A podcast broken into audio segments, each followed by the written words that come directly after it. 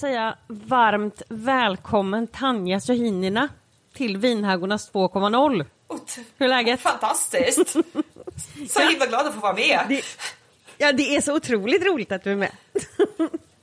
Det är ju, vi har ju hittat varandra på det här in, internetet, Ja. som det heter. Jag taggade in er någonstans och sen så, så svarade ni faktiskt. Ja, men precis. Ja, Herregud. exakt. Ja. precis, så att det är väldigt, väldigt skoj. Eh, du är ju... Du är ju massa saker. Du har ju, du, eh, vad heter det? En, ett gediget CV, men bland annat så är du ju psy- psykolog, eh, sexolog och även författare. Jajamän, det är jag. Renässansmänniska. Ja, precis. Duktig tjeja. Eh, och du huserar i Stockholm. Ja. Och finns på, om jag har fattat det rätt, så finns du på en mottagning som heter Eros och psyke. Precis, eh, jag har en liten eh, mottagning där jag träffar en massa folk. Precis. Men vad härligt, men då, vi ska berätta lite mer om dig sen. Men hur har, ehm, hur har veckan varit? Alltså det har varit toppen för det är nyårsveckan, allt är all over. Liksom, man är helt vilse i vad är det för år, vad är det för dag? Och så Vem är jag, finns jag? Ja, men precis. Och så tänker jag att det har varit fantastiskt, min väg till att vi faktiskt sitter här och att vi faktiskt lyckades eh, mötas det här klockslaget, den här dagen efter att Det är faktiskt otroligt. ja, två vuxna människor med, jag har ju brutal ADHD, jag förstår att du kanske också drar lite åt det hållet. Det kan väl hända. Väldigt, väldigt accepterande misset att höra av sig till varandra i typ en månad. Ja. Och då, då kommit på att just det, vi Shit, kanske vad borde. vi har- Ja, Vad vi har kämpat med det här. men det väl bra. Jag glömde, oj, jag med! Så, att det, nej men det, det är otroligt. Och i tid var vi också idag. Ja, men just det, Det är finns det en helt tid så är det i tid. Men däremot det här med att eh, hej, vi borde snacka lite innan. Alltså den var... Det var inte lätt alltså. Bara, bara gå igenom några snabba grejer. Så, klipp till en månad senare. Yes. Nej, men jag tycker ändå att det är ganska fascinerande att vi har, att vi har fått ihop det. För det, blir, det är ju ofta lite det som blir så svårt när man ska, nej, men när man ska planera någonting med andra som är, har lite mer normfungerande hjärnor. Det blir, det blir ju så dumt. För att folk tänker ju att man inte bryr sig, att man inte är intresserad. Ja, precis. Det har ju inte med det, det, har ju inte med det att göra, det är ju bara att det försvinner ju sekunden efter man säger toppen, då hörs vi imorgon. Ja, och det är väl lite samma sak från min sida. Jag är ju van att så här, jag kanske glömmer att höra av mig och säga ja, jag vill verkligen vara gäst på den här grejen. Ja, jag vill verkligen vara med i intervjun. Mm. Och så var det så här vi två som så här flöt fram och tillbaka och bara och till slut så var det så här, okej vi tar en torsdag, fredag i januari, då tar vi den första dagen som bara går. För att få det Mm. Överstökat, för att det ska bli gjort, för Ja. att... Dra av plåstret. Ja. Nej men det, måste, det blir ju, det, det är ju det som är problemet, att det blir ju inte gjort annars. Nej, men så här, jag har en väldigt bra story om... Jag försöker alltid ta första bästa tillfället. Ska man liksom välja mellan flera datum så tar jag första datumet. Och i februari-mars 2020 så skulle jag åka med en kompis till Köpenhamn och kolla på en utställning med Leonard Cohen. Eller kring hans Nej verk. vad kul, var du där? Jag var där, det var fantastiskt, det var jättespännande. Ja. Och framförallt det var, det var liksom några datum i februari och mars 2020 vi valde mellan. Och jag körde på mitt första bästa. Och det var ju som sagt så här, just den perioden 2020 där vi inte hade kommit iväg om jag hade varit så här. Nej men vi kan skjuta på det, det är fint, det är mars, det är lite varmare, det är lite finare. Bara slask februari, första möjliga tack. Ja. ja men verkligen. Men det är så, det är så man måste jobba. För det, det är lika bra. För att, och sen, jag, har ju, jag har ju den här grejen att jag har ju en förmåga att eh, jag har liksom gått förbi det här med att dubbelboka. Jag trippelbokar. Det, det, det krävs ju en specifik person för att kunna vara vän med mig. För att det är ju så här, oj, förlåt, jag glömde, jag ska visst dit. Det, nej men det är, hopp, det är hopplöst. Men fördelen är att jag blir ju aldrig arg om någon bangar. Ja. Och jag tänker bara ifall någon liksom som vill eh, boka mig som föreläsare eller någonting hör det här. Om det finns en Ja. tid och datum så är jag där i tid. Jag är så här fysiskt oförmögen att komma sent. Precis. Tåget kan vara försenat, jag kommer liksom ha baklänges tid och komma i tid ändå. Så jag är toppen om det finns ett datum. Jag är inte alltid så här. Köp min bok. Precis, köp min bok. Men jag tror att det roligaste är att om man har, om man har en av, för jag tänker om det är det här att du är sån som dyker upp eh, i tid varje gång, då någonting faller ju bort för att det blir i de här hjärnorna så blir det ju ofta lite för mycket. Så då blir det så, istället så att man absolut, jag kommer till det liksom datumet, men jag kommer inte höra av mig innan. Det kommer vara liksom radio silence Ja, men- och sen så dyker man upp i ett moln. Ja, och min handväska kommer vara ett svart hål. Liksom med universums all materia i och allt annat kommer vara kaos men jag kommer vara där jag sa i den tiden jag sa. Ja, Jag har ju ofta my- mycket med det här att det är alltid väldigt, väldigt mycket krångel på vägen. Men n- ni som har lyssnat på podden länge, ni vet ju att min relation till lokaltrafiken, den är, den är, väl, inte så, den är väl inte så varm. Jag har ju verkligen en magisk förmåga att trafiken, även när det är förseningar så kommer jag i tid. Och det, det tänker jag liksom, jag vill inte reda ut hur det funkar för tänk om det här går sönder.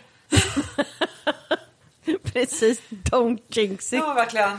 Nej, men det, är- det är spännande.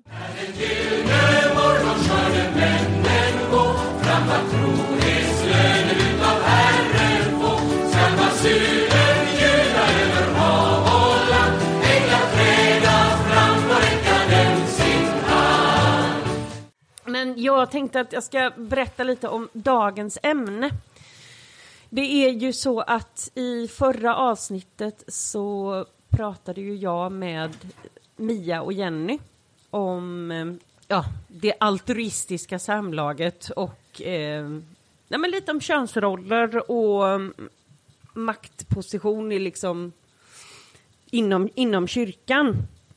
Och när jag hade det här, det som jag tänkte, anledningen till att jag frågade dig om det här ja, avsnittet, det är ju just det här att när man lämnar sin tro så är det ju väldigt, väldigt vanligt att man fortfarande är så himla starkt kvar i den här normen som kyrkor presenterar, alltså med monogami och med liksom heteronormativt och hela balletten. Så att idag har jag bjudit in dig därför att du är ju, ja vad ska man säga, eh, du är ju polypsykologen med hela svenska folket. Eh, och du är ju väldigt kunnig inom det här med just flersamhet och lite alternativa sätt att uttrycka sin sexualitet och också sin amorositet får man väl säga. Ja. I ditt arbete som psykolog, träffar du på eh, mycket människor med religiös bakgrund? En, en hel del ändå har det varit genom åren och det är liksom jag möter ju bara personer som på något sätt har trassel med sexrelationer. Så Ja, precis. jag träffar också verkligen personer som varit med de jag träffar som varit med i religiösa sammanhang är väl också ofta personer som haft problem med det. Så då Mm. får jag se lite baksidan av eh, hur det kan bli när det blir lite väl entusiastiskt med tro och eh, sex är farligt och allt det här. Precis. Men vad är, vad är din, får jag fråga om det, vad är din personliga relation till religion, tro? Har du erfarenhet av, av det själv? Jag växte väl upp under en... eh, Jag är född i Sovjet, växte upp under det här... eh, Sovjet faller, det strömmar in en massa sekter. Också kristendom blev ganska coolt för det var ju liksom subversivt under Sovjettiden.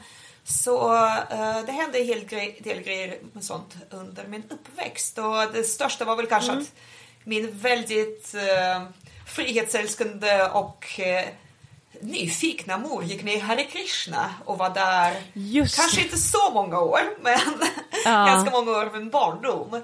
Vilket var Precis. en upplevelse. Vad minns du från den tiden? Vilken ålder var du i? Jag var väl kanske mellan 6 och 10, 11 någonting så. Mm. Och eh, grejen är, min mamma är här teflonperson när det kommer till sånt. Allt rinner av henne, Ja. hon kan verkligen vara med i en jättesektig sekt, bara göra det roliga, sen gå hem och skita i liksom. Eh, Så det var... Oj, vad fascinerande. Ja, Ja. hon verkligen eh, eh, påverkas inte så mycket så. Men jag kommer ihåg att eh, Dels så var det, vi gick kristen söndagsskola innan, min mamma tyckte väl jag skulle få lite allmänbildning liksom. Ja. Eh, och Hare Krishna var ju så mycket, mycket bättre. Man fick sjunga, man fick dansa, man fick liksom sagorna Mm. var top notch. Väldigt bra sagor. Eh, men jag kommer ju också ihåg det här väldigt stora rädslan för någon sorts omvärlden. Att liksom, karmiska grejer var dåliga. Jag gick ju liksom inte Hare Krishnas friskola, jag gick i karmisk skola. Och det var väl Okej. liksom lite, alltså i vanlig jävla skola liksom. Och Ja, det, okej. sån där den karmavärlden som det kallades var lite, det var uppenbart att det var så här. Ja men man måste vara där, det var en ekonomisk verklighet man behövde förhålla sig till för många. Mm. Men eh, det var, det var väl så här, nej det är inte toppen va. Och just med sex tänkte jag, jag är så här classic kåt tjej. Och Mm. i och med att jag slutade i Hare Krishna vid så här, ja, vid tio års ålder insåg jag, öh, vänta, de där sagorna, jag ska tro på dem tydligen. Eh, Ja, och det ja. var lite av en kris för mig. Liksom jag var så här, vänta, alla andra kring mig verkar tro att det var på riktigt. Eh, Jag är inte riktigt där. Och det blir lite stelt. Och någonstans, jag tror inte jag förklarade hela resonemanget för mamma. Jag bara sa att jag inte vill följa med längre och det var fritt. Liksom, det, var, det var helt okej för mamma.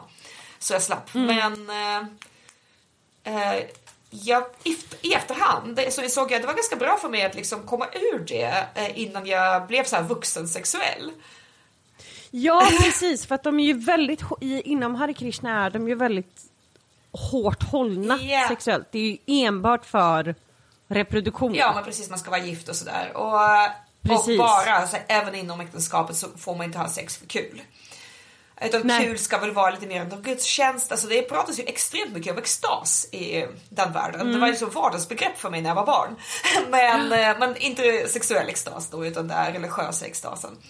Och jag tänker Precis. att hade jag liksom hamnat i den världen och tagit åt mig det snacket om eh, avföljsamhet som eh, barn eller som Mm. ung eh, sexuell person så hade det nog varit väldigt, väldigt, väldigt jobbigt. Jag minns att Ja. eh, någon gång såhär 9-10 års åldern var jag jätte, jättekär i en pojke. Och min mamma Mm. påminde mig om att nu pratade om honom mer än du pratade om Krishna. Och då kände jag så här, Ja, oh, wow, ja. wow, wow. Det, var, det kändes inte bra liksom. Och jag tänker det här Precis. gånger hundra när sexualiteten skulle kicka igång ordentligt. ja, ja. Det ja. hade nog pajat ganska mycket för mig. Nu kom jag lindrigt undan från den grejen men i efterhand såg att det var nog väldigt jobbigt för väldigt många. Just på sexfronten.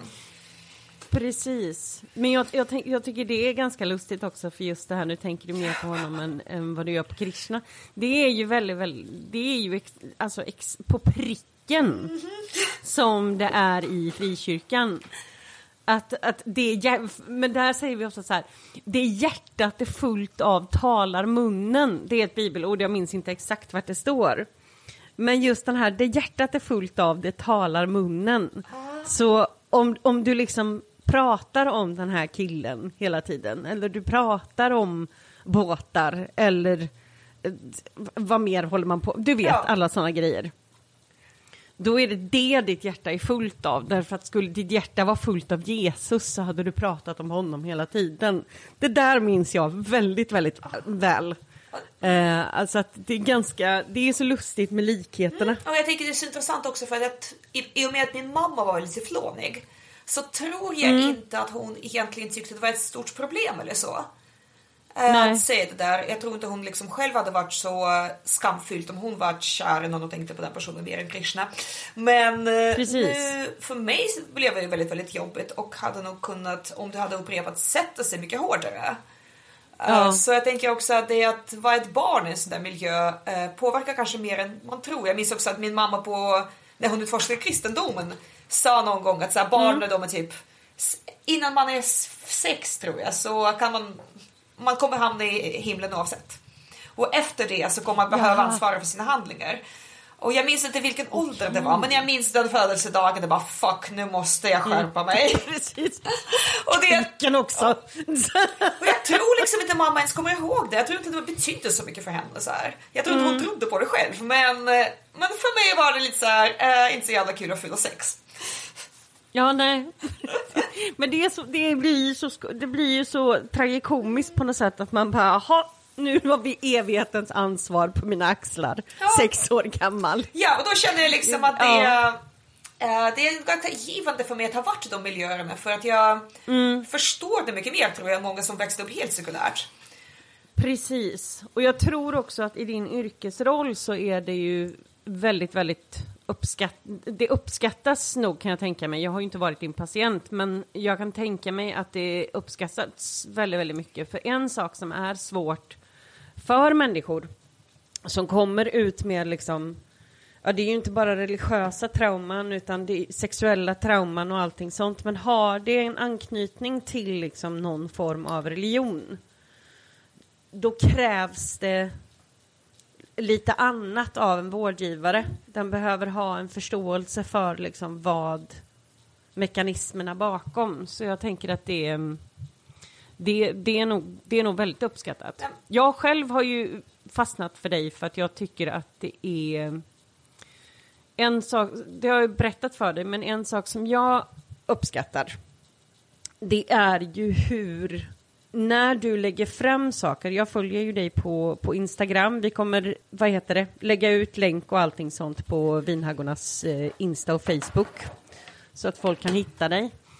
Och jag rekommenderar verkligen folk att gå in och läsa där för att du har en otrolig förmåga att ta dig an ämnen utan att lägga någon som helst värdering i det.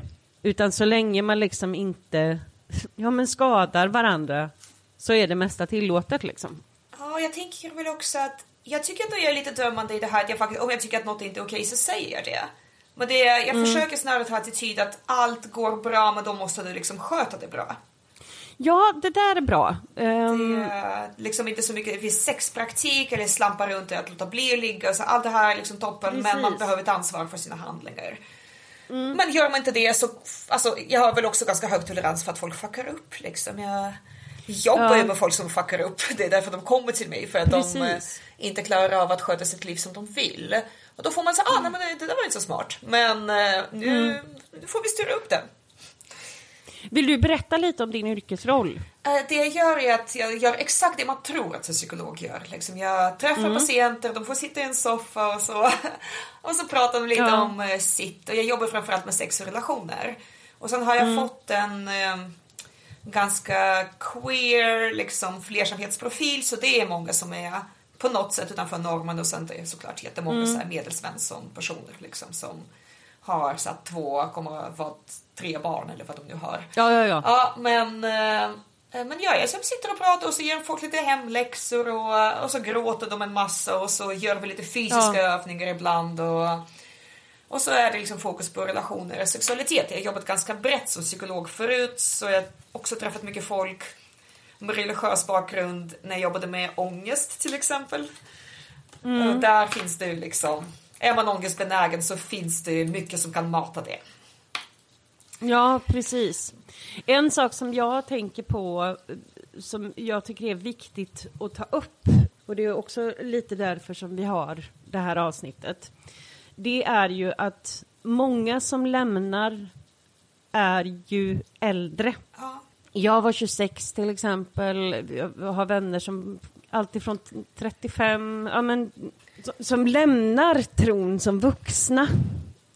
Och en sak som är ett problem, det är ju att i frikyrkan, när det är såna här strikta regler, Eh, och allting är väldigt heteronormativt också och uppbyggt. All liksom, undervisning är ju uppbyggt för att äktenskapet är för mannen och kvinnan och sen så ska liksom allting falla in under det. Och då blir det ju lite, man berövas ju sin sexualitet. Du får ju inte möjlighet att eh, experimentera och utvecklas under tonåren. Om du då håller dig till de här lagarna och reglerna. Eh, och det gör ju att många som lämnar kommer ut och känner att de är för sent ute. Eh, och det, jag tror att jag tror att det kan finnas en genans i att vara 26 och de flesta andra runt omkring en kanske har varit sexuellt aktiva i tio år och har experimenterat och allting sånt där. Um, vi ska också prata om lite idag vad man kan vända sig. Men hur liksom... Kan inte du berätta lite mer? Vad tänkte du säga? Förlåt. Jag har bara så mycket tankar om det här för att det är verkligen... En... Ja. Vad tänker du? Jag tänker dels att uh, det finns, apropå normer, det är så himla stark norm att man ska i viss ordning utforska sexuellt i liksom en viss ålder.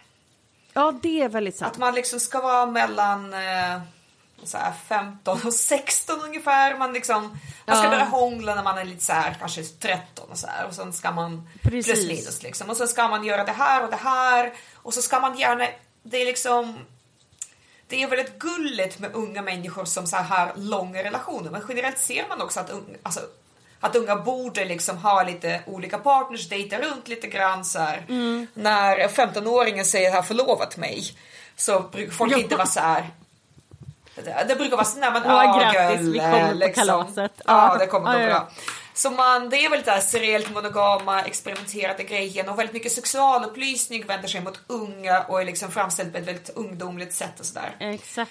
Och, eh, och så liksom de som behöver det här äldre ålder, det finns inte riktigt några självklara Mm. saker att vända sig till. Och jag tänker också det för queer så är det ganska klassisk Ja, men då blir det ju historia. ännu svårare. Ja, men det är också samtidigt en ganska vanlig grej eh, historiskt eftersom många inte kunnat komma ut tills de var äldre eller Mm. inte förstått att man får eller att det finns överhuvudtaget.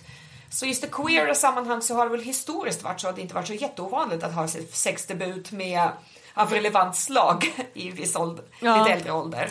Och samtidigt så är det väl det också det som vi idag börjar mer och mer gå, utgå ifrån. Nu tänker man att alla kan komma ut när de är unga, vilket inte stämmer. Eller att alla kommer på att de är hbtq-personer när de är unga, vilket fortfarande inte stämmer. Precis. Eh, Så, och även personer som jag tänker inte sexdebuterat av andra skäl än eh, religiösa upplever jag liksom, jag träffade dem när de var så här 40 och fortfarande så, ah, men jag har inte fått hångla förrän jag var 20 och man bara Ja, det var säkert jättejobbigt på gymnasiet men det där var också 20 år sedan. Men det sätter ändå så mycket spår för många. Mm. Jag tänkte också på sekt och eh, lite min bakgrund och det här med att eh, inte få sin sexualitet först i vuxen ålder. Ja. Eh, jag är född i Sovjet och eh, Sovjet var väldigt känt för att vara ganska så här sexlöst. Man fick inte prata om det, det fanns ingen upplysning, det var väldigt lite undervisning om det här. Ja. Eh, Folk gifte sig tidigt och så skulle man liksom skaffa barn och man bodde trångt och det var inte så jättesexpositivt om man säger så.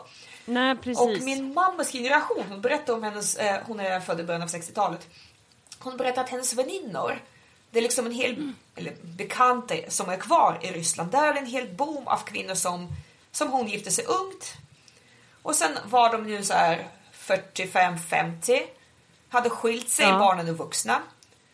Och det var en hel liksom våg av sexkurser för vuxna just för att de kvinnorna Oj, var ja. så himla taggade på att jag vet inte, jag är fortfarande i öst är jag en liksom mormor. I väst Ja. är jag en ung karriärkvinna. Jag vill ta för Precis. mig, jag vill lära mig det här. Hur fan suger man kuk på ett bra sätt?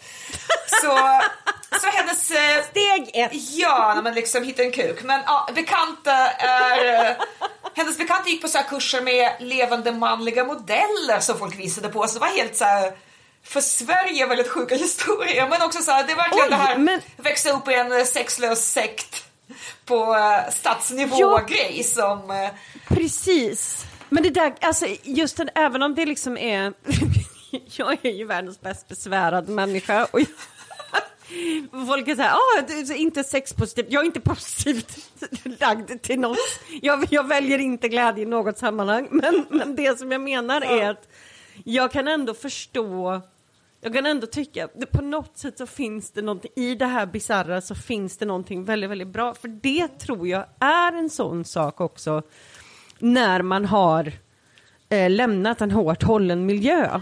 Att det handlar inte bara om liksom Ja men precis, utan hur gör man? Ja, Alltså, och man vill liksom- inte vara fumlig när man är 30, 35, 40 liksom. Man vill inte vara fumlig när man är 30. Precis.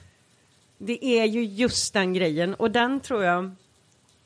Där kan jag ändå känna eh, lite mer eh, empati för, eh, för killarna på något sätt. Jag tror ändå att det blir liksom en, en lite svårare... Ja, det kan Tröskel jag att ta sig över. Ja, jag tycker nog det om man pratar med Mm. vikten av erfarenhet för att kunna ha ett ligg överhuvudtaget. Att det är större press på Exakt. att mannen ska styra i det hetero liksom, sammanhanget. Exakt. Ikväll Vi går ut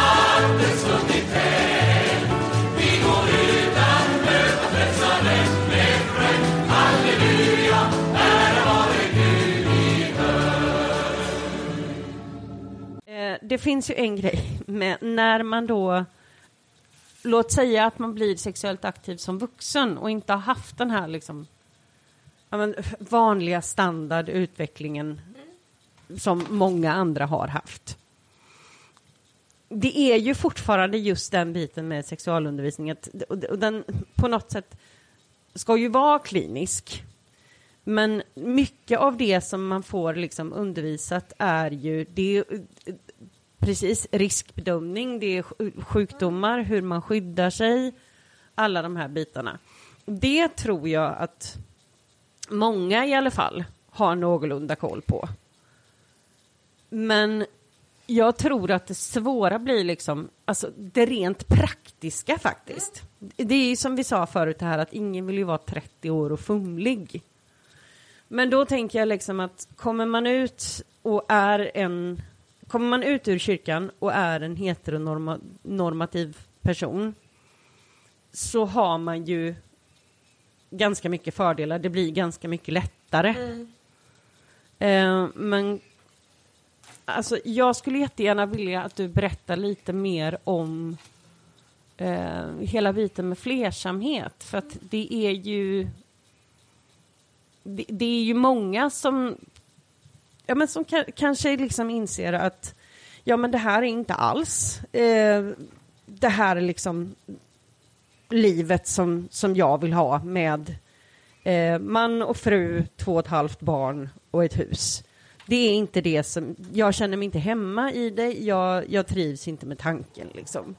Um, kan du förklara vad polyamoritet är för våra lyssnare? Bara så väldigt kort. Eh, polyamori är en flersamhet där man kan ha flera relationer eller förhållanden parallellt. Sen kan man till exempel mm. ha öppna förhållanden där man kanske har en så här, det här är min relation, relation och så har man lite älskare och sånt. Eh, man kan vara Precis. swingers när man liksom har sex med andra fast som gemensamt intresse. Man kan vara lite mer queer i hela grejen och kanske inte ens dela upp sina relationer. Så, det här är ett förhållande och det här är något annat utan bara se det lite mer individuellt. Så det finns väldigt många sätt att vara flersam på. Eh, mm. Och flersamhet är någon sorts paraplybegrepp för det här. Och att jag blev engagerad i det var väl helt enkelt att jag någon gång ganska tidigt i mitt liv insåg att jag inte ville vara monogam. Och mm. sen eh, så småningom som psykolog så har jag väl liksom i och med att jag syns så mycket offentligt med att inte vara monogam så har det lite naturligt glidit in på och jag ville också jobba med relationer så har det glidit in på att jag blev lite extra expert på det. Så förutom eget liv och så forum och poddar och sånt så har jag också läst på väldigt mycket forskning och liksom mm. bildat mig extra i det som psykolog just. Så inte bara att jag levt det här utan verkligen uh, läst på. Och mm. det där är tänker jag så intressant fråga just uh, utifrån om man kommer från ett väldigt traditionellt skamtyngt sammanhang. Precis. För det är också någonstans som i dessa sammanhang som det faktiskt praktiseras ganska mycket flersamhet. För att istället för att skilja ja. sig, bli ihop med någon ny så stannar man kanske kvar i en relation och ändå har liksom en långtidsälskare eller sådär, älskarinna. Exakt. Så jag tänker att jag tror att människor som uh, kommer från den typen av bakgrund faktiskt sett det här mer än kanske en medelsvensson. Mm. Men kanske också inte på ett bra sätt. Nej, för att man tänker på det, man tänker på det utifrån an, andra synsätt som otrohet liksom. Ja, eller att man måste verkligen fiffla runt det väldigt mycket och liksom förklara mm. varför just det här otroheten är en bra otrohet och uh, det finns ju exempel på det tänker jag uh, i ja, modern... Ja, men verkligen. Ja. För jag tänker lite det, just, just den här grejen som jag, jag tror att man kanske en, en bra fråga är, du, du säger att jag kände att jag inte ville vara monogam. Kan du utveckla det lite? Jag får det här jätteofta för att, ja men hur kom mm. du på det? Jag vet inte riktigt. Uh, när jag kom på det, hur jag kom på det. Jag tror jag läste Heinleins uh, A Stranger in a Strange Land och det är där jag fick idén mm. men jag minns inte. Det var bara just Nej. att jag Uh, inte riktigt såg poängen och jag tror också att det hjälpte lite att jag kom från en kultur där det var ganska normaliserat med kärnfamilj och otrohet. Precis. Och där var jag också så ja men folk gör ju det så jag menar varför ljuga? Mm. Så jag tänker att om man kommer från en kyrkligt sammanhang eller något annat så väldigt traditionellt sammanhang så tror jag att man också faktiskt kan ha lite närmare till den tanken för att ja, men det händer liksom. Precis. Men samtidigt så vill man kanske göra det på ett schysst sätt. Och det har man ju förstås inte Exakt. riktigt lärt sig. Nej, och sen så tror jag också att man på något sätt... Eh, alltså det är där som jag vill att vi ska prata lite om de här olika sätten som det finns att liksom eh, uttrycka sin, sin sexualitet, alltså eh, på, no, på, på, på lite alternativa sätt. Liksom. Det, är ju, det är ju det här som jag som går under mitt samlingsnamn specialknullare. Jag tycker det är väldigt skoj. Det, det, ska, det ska grejas. Ja, så- men, men, Och det- men jag tänker... Jag tänker gud, kopplingen så här, mm. kyrkan och BDSM, herregud, där kan man verkligen börja... Ja, oh ja! Alltså det, det är ju verk, det är helt galet. Men just en sak som jag tror eh, för många blir svårt att ta in när man pratar om, om saker som flersamhet och allting sånt. Det är att det är ett så flytande begrepp. Det kan ta sig uttryck på flera olika sätt. Och jag tror att den biten blir svår att ta in när man kommer ifrån ett sammanhang där det liksom bara finns en väg att gå. Ja. Är du med på ja. hur jag tänker? Ja.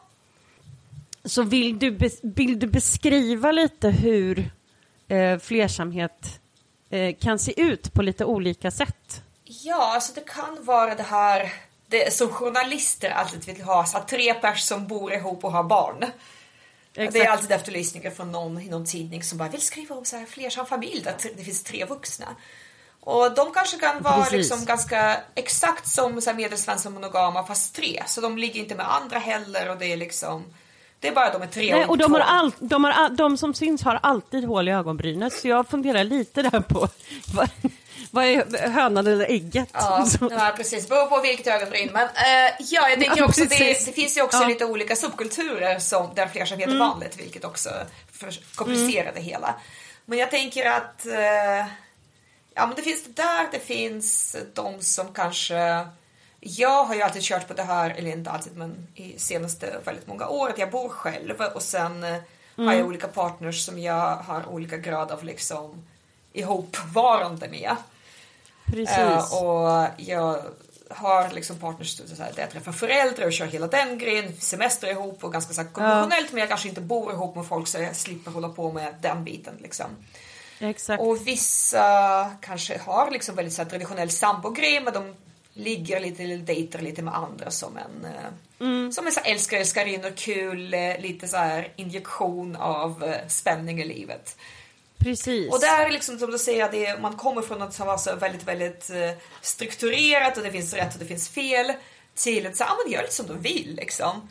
Det är förstås Ja. väldigt skrämmande och det är liksom generellt sett så skulle jag säga att eh, nybörjar flersamma kanske är ofta mer förtjusta i regler medan folk som hållit på länge har landat i ett sätt Ja. som funkar och så har man inte riktigt lika uttalade så här, det här är rätt, det här är fel, det här är vårt protokoll för vad som är gränsöverskridande utan man eh, kanske lite mer kör på bara för att man eh, ja, precis. kalibrerat in sig lite.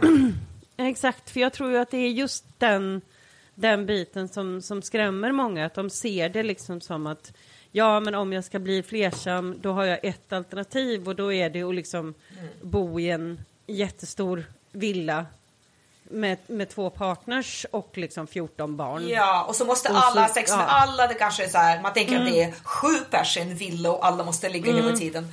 Eh, Så det är förstås lite eh, skrämmande. Jag tänker, och pratar vi sektor så är det väl också ganska många som använt sig av den här metoden för att eh, Ja. ja, skaffa sig lite partners och vara lite sektledare till exempel. Exakt. Och sen tänker jag också att det blir en sån där... Um, att, man, att man ser det utifrån det här klassiskt patriarkala, liksom en man med, med två kvinnor liksom. Ja, men du vet. Ja, jag tänker precis, kommer man från också så här kristen religiös bakgrund så är det väl också ganska patriarkalt liksom när det vill sig illa.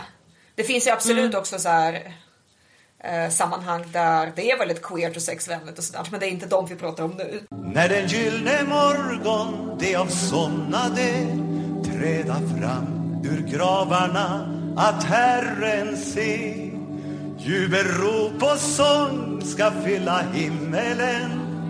Ty de kära evigt mötas får igen.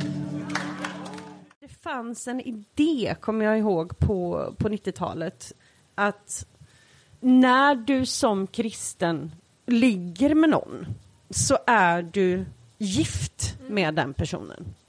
Att på något sätt samlaget är liksom sj- själva förbundet, äktenskapet.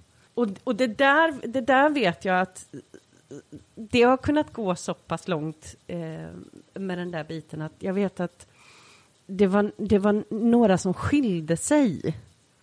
Och den här, jag tror det var kvinnan som verkligen vägrade gå vidare. För att det är liksom att även om du har skilt dig, om du då ligger med någon annan, träffar någon annan, då, då blir du liksom, du är en äktenskapsbryterska. Det är så många saker som man hur, hur närmar man sig det? Om man, om man tänker liksom för någon då som precis har lämnat sin tro, som ifrågasätter hela livet, hur, hur närmar man sig de, liksom all, de alternativa sätten att leva ut sitt kärleksliv med på något sätt bebissteg? Jag tänkte bara innan jag går dit säga att det här är jätteintressant för det här du beskriver för den här kvinnan. Det är egentligen det som är monogami, att det är en partner någonsin. Och eh, när man idag pratar om monogami är normen i Sverige så stämmer det inte. Alltså monogama är inte monogama, de är seriellt monogama, det är en helt annan sak.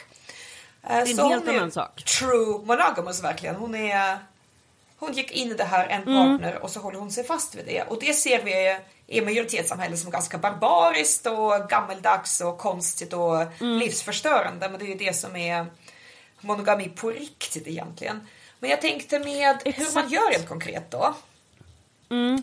Tänker att en sak som är viktig där tror jag att man ett, lite accepterar att man eh, man kommer behöva ändra saker, det kommer ta lite tid att liksom göra om hjärnan och saker kommer kännas fel även om man så här bestämt sig för att de är rätt. Så att man liksom istället för att ha en så här känslomässig moralisk kompass kan faktiskt mer aktivt fundera på ah, men vad ska styra mig i sex, vad som ska vara viktigt för mig i sexrelationer. Och när det här, ah det här är fel kickar in så får man tänka lite grann på okej, det här känns fel, men vad är mina värderingar? Om jag tittar på det utifrån dem, är det rätt eller fel? Det finns ju en sån otrolig skillnad i att ha en sexualmoral och etik som är grundad i en religiös lära. Och där har du en sexualetik och moral som är väldigt mycket, liksom, det handlar om anständighet men nästan ingenting om att alltså in, inte skada varandra. Men så kommer, man- så kommer man liksom ut i vanliga världen och där är sexualmoralen annan. Där pratas det om liksom samtycke, om äh, ja, men att man inte ska göra varandra illa på det sättet. Och jag tänker också att, ah, och också att man ska få varandra att njuta. Jag menar, det är, Exakt. det är också en så här stor sexuellt etisk moralisk grej vi försöker prata om. Att man faktiskt ska försöka ha sex som är skönt för alla inblandade. Precis. Men just den här biten när man då ehm, ska försöka laborera runt i en, i en annan verklighet. Hur, hur, har, du, har du några tips för hur man på något sätt... Lite, hur, ska, hur ska man börja, tänker jag? Finns det någon sån här steg liksom med att du tar upp det här samtalsämnet eller här kan du hitta likasinnade. Hur, hur fungerar det praktiskt? Jag tänker att en sak som jag ändå tycker funkar en hel del för många är att börja med att eh, läsa moderna sexböcker som riktar sig för folk i puberteten. För att man är ju lite där på ett sätt. Oh ja. Och liksom bara få en väldigt så här enkel grundkurs. Ja, men hur pratar man om sex nu för tiden? Hur pratar man om Ja. sex med folk som precis ska börja ha det? Även om de är i en annan Precis. ålder så är det, och det är såklart barnsligare tilltal och sådär, så är det ändå ganska tydlig bild av eh, både liksom basalt så här funkar det men också hur tänker Mm. man kring sex, hur resonerar man kring det? Eh, typ världens viktigaste bok eh, har mina patienter ibland läst fast de var typ 40. För att Ja, eh, men det, man är, det är ju to- det är en toppengrej. Ja, och lite så här, någonstans land och acceptera att vi är, är, du är på det stället lite grann. Mm. Du är i, där många förväntas vara när man är 12 till 16 liksom. Ja. Så börja där lite grann och sen tänker jag att eh, lite grann skaffa sig förebilder, att eh, kolla runt på Instagram-konton, lyssna på lite poddar och känna in om det finns någon som är Kanske att man inte ens vågar tänka så här ska jag vara, men lite så här, men den här personen verkar vara vettig kring det här. Och försöka sätta Precis. sig in i hur den resonerar kring eh, vad som ska eh, motivera en i sexualiteten. Och kanske hitta några sådana förebilder. Kanske också eh, pejla in om det finns någon kompis eller någon bekantskapskretsen som man eh, kan använda lite grann som en modell. För hur de tänker. Så att eh, inte börja med omedelbart försöka anamma det och inte göra om sin hjärna utan bara börja med att öppna upp och säga hur kan man tänka på olika sätt. Precis. Så att man inte omedelbart hamnar i det här, gud nu måste jag omedelbart jättefort för det är jättebråttom Ja. och programmera min hjärna. Så funkar vi inte riktigt. Utan första steget är att bara vidga för att det finns faktiskt flera synsätt som existerar. Exakt. Det behöver inte gå till, från noll till hundra på Ja. di- direkt liksom.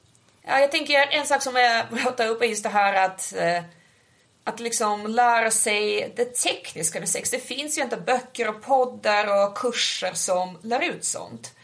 Och medan man har sin så här upptäcktsfärd och bara liksom okej, sex är lite bredare än jag hade tänkt och jag ska försöka se hur folk resonerar och tänker och så småningom välja någon väg som är min. Att där Precis. någonstans också pejla in när man, eh, jag tänker Marika Smith på Sexinspiration har ju så här videokurser. En massa tantra-människor har en massa tantra-grejer. Det finns böcker om eh, så här fingrade någon liksom. Det finns den stora Ja. lila boken om tjejer som har sex med tjejer. Så att man så här, börjar samla in faktiskt lite mer praktiska, praktiska tips om hur man gör. För att kunna vara lite liksom, ha lite grejer man vet att man typ klarar av. Vad tänker du blir är liksom bästa sättet att på något sätt vara när man ska, när man ska liksom, eh, tycker du att det är bättre att kommunicera att jag är helt ny på det här eller tänker du att har du förståelse för sådana som bara kastar sig huvudstupa in och liksom wing it längs vägen?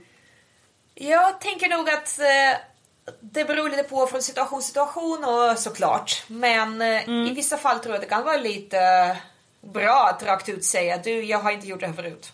Eller eh, jag har inte gjort det så mycket eller sådär. I vissa situationer tror jag det bara räcker att säga jag vill ta det lite lugnt. Idag vill jag bara, jag vill behålla kläderna på idag och så vidare. Så att man eh, Precis. uh, har lite tålamod och kanske inte rakt av säger hej jag är lite oerfaren, det här är överväldigande. Ja. Men eh, eh, att man kan säga ja men jag vill liksom jag vill ta det i små steg till exempel så att man Ja, hinner precis. landa mellan stegen gör det här stegvis att hur kändes det för mig och sådär. Mm. Eh, såklart onani är ju dels väldigt tabubelagt dels väldigt bra sätt Ja. att eh, ja men så här viktigt grej när man ska utforska sig själv och där också så här men eh, finns lite sajter finns eh, och börja verkligen också med så här UMO till exempel, ungdomsmottagningssidan. Om du vill ha tips. För att om du är där de flesta är vid 16 års ålder, Precis. då är det rätt användbart med den infon. Och jag tänker också det här skammen och att det är lite, känns lite förbjudet och så. Jag menar, det är väl klart att det är för många ganska jobbigt och tyngande, men också testa lite om man kan vända det till någonting kul. Precis. Men jag tänker också apropå vad man kan utforska så kan man ju, eh, religiösa sammanhang ger ju generellt en ganska stor palett av så larger than life upplevelser. Ja. Eh, vilket också händelsevis är någonting som BDSM sysslar mycket med.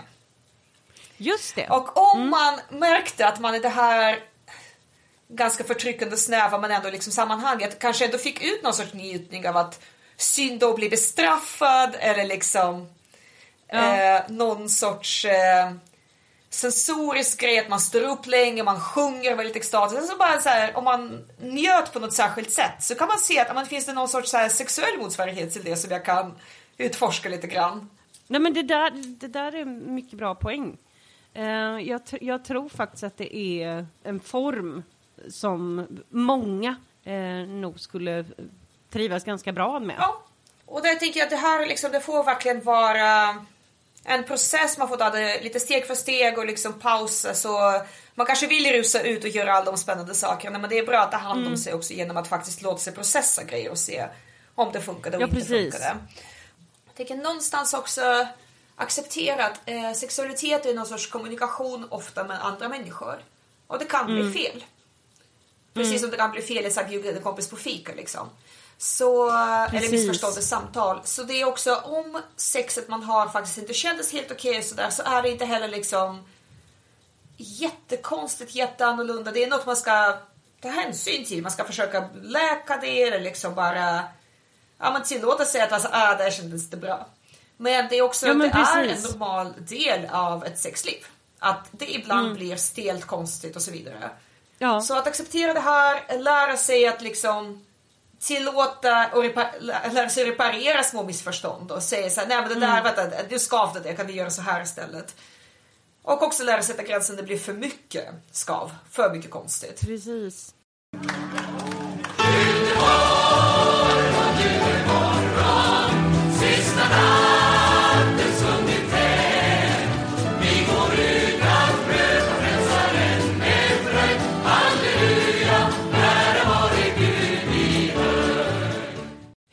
Gör du med patienter? För det tänker jag är ju en grej som är vanligt bland Ja, men från frikyrkan får jag ju säga. Men eh, jag tänker speciellt med kvinnor som, som kommer, patienter, som, där att vara högpresterande är ju en väldigt, väldigt stor problematik eh, för kvinnor mm -hmm. i, i kyrkan.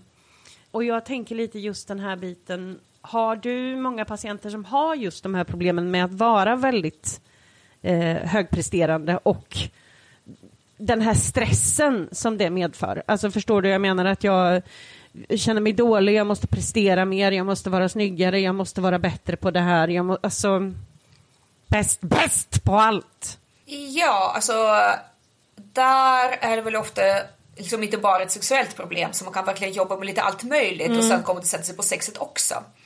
Men eh, Precis. en sak är ju att uh, försöka se vad de tänker kommer hända om de inte är högpresterande och acceptera mm. att om de presterar mindre så kommer de vara mer misslyckade. Mm. Så att inte bara, ah, det blir bara bra om du säger nej oftare och slutar diska så ofta. Liksom. Det, det kommer också vara stökigare, det kommer gå upp i vikt, det kommer mm. inte vara lika fint fixat och så vidare. Det beror på vad de försöker prestera. Precis. Så var lite grann så nej men du kommer kanske prestera lite sämre. Men eh, mm. Eh, var finns vinsten och vad vill du styras av eh, mer än eh, prestation? Och i sexen är väl ofta njutning och i livet generellt bara att faktiskt tillåta sig att njuta. Ja. Att stanna upp och ge saker, göra saker som bara är till för mig som inte såhär, oh jag läste en roman, det är också bra för jobbet liksom. Utan bara säga, jag läste en Precis. roman, det var kul, jag glömde den sen. Exakt. en sak som jag ofta frågar när folk försöker prestera och vara duktiga och det kan också gälla mm. duktiga polyamorösa som inte ska vara svartsjuka liksom och sådär. Så, men vem ska ge dig godkännande i det här? Ja. Och vem ska säga det att nu har du varit duktig nog, nu är det check liksom, nu är du godkänd person. Precis. Och det är ofta en bra sak att reflektera över, så här, vem försöker jag bevisa vad för? Mm.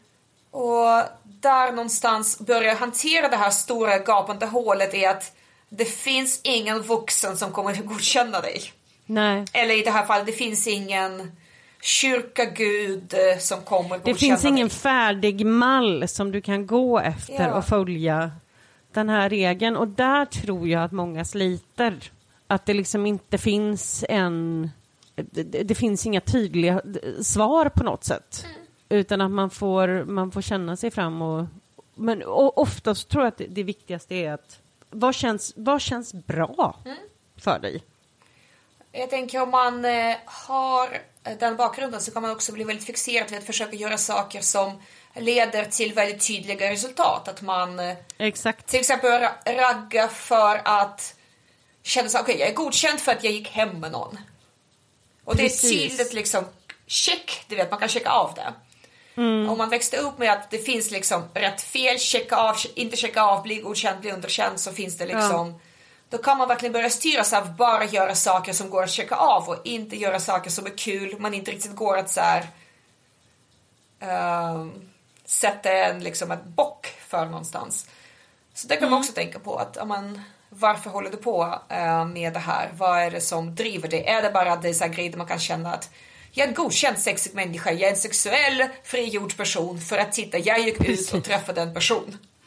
Ja. Eh, då är det kanske inte så Här kul. kommer jag och är godkänd av Ja, vem blir du godkänd av? Av Liksom? Är världen. det, Jo,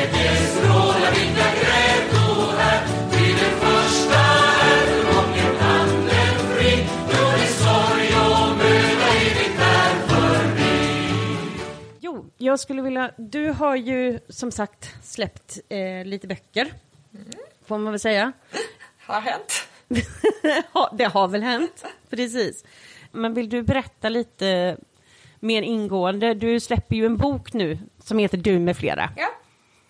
Vill du berätta lite om processen kring boken och vad den handlar om och liksom vart man kan hitta den? Ja, processen kring boken är väl att folk i typ tio år frågat mig när jag ska skriva en bok eftersom jag är ja, men lite polypsykologen. Och jag Ja. har också eh, saknat en svensk bok om flersamhet. Det har funnits eh, jättemycket så bloggar och poddar och forum och på den nivån. Men jag har behövt liksom en bok som eh, dels faktiskt ändå tar upp forskning och lite mer liksom, inte bara så här gör jag och mina kompisar utan lite större perspektiv. Precis. Men också bara en bok som jag skulle kunna rekommendera mina patienter för att amerikanska böcker skrivs i en helt annan miljö, de har ju helt annan eh, slutshaming i samhället är stort, det religiösa inslaget Annan är större, ja. eh, de har inga förskolor att näm- värda namnet, så det, det är en helt annan situation liksom. Precis. Och hittills har man behövt eh, läsa amerikanska böcker i princip. Så jag ville ha en svensk bok. Ingen annan Mm. verkade skriva en svensk bok som jag ville ha så jag fick väl liksom skärpa mig och göra det. Ja, ja, jag får väl ställa upp då. Ja men verkligen, det är så, så himla skönt att få det överstökat, alltså du anar inte. Ja. Ja, och den heter Du med flera. Och jag tänkte en annan liten, och det är verkligen mycket mindre bokprojekt, som jag tänkt Mm. på nu när vi pratade om att försöka hitta sin egen sexualitetsetik och moral och förstå varför man håller på med det Precis. här. Ehm, det är liksom varför man har sex, det är kanske de viktigaste frågorna som finns att ställa när det kommer in någon med sexproblem. Så här, vad Mm. Precis. betyder sex för dig?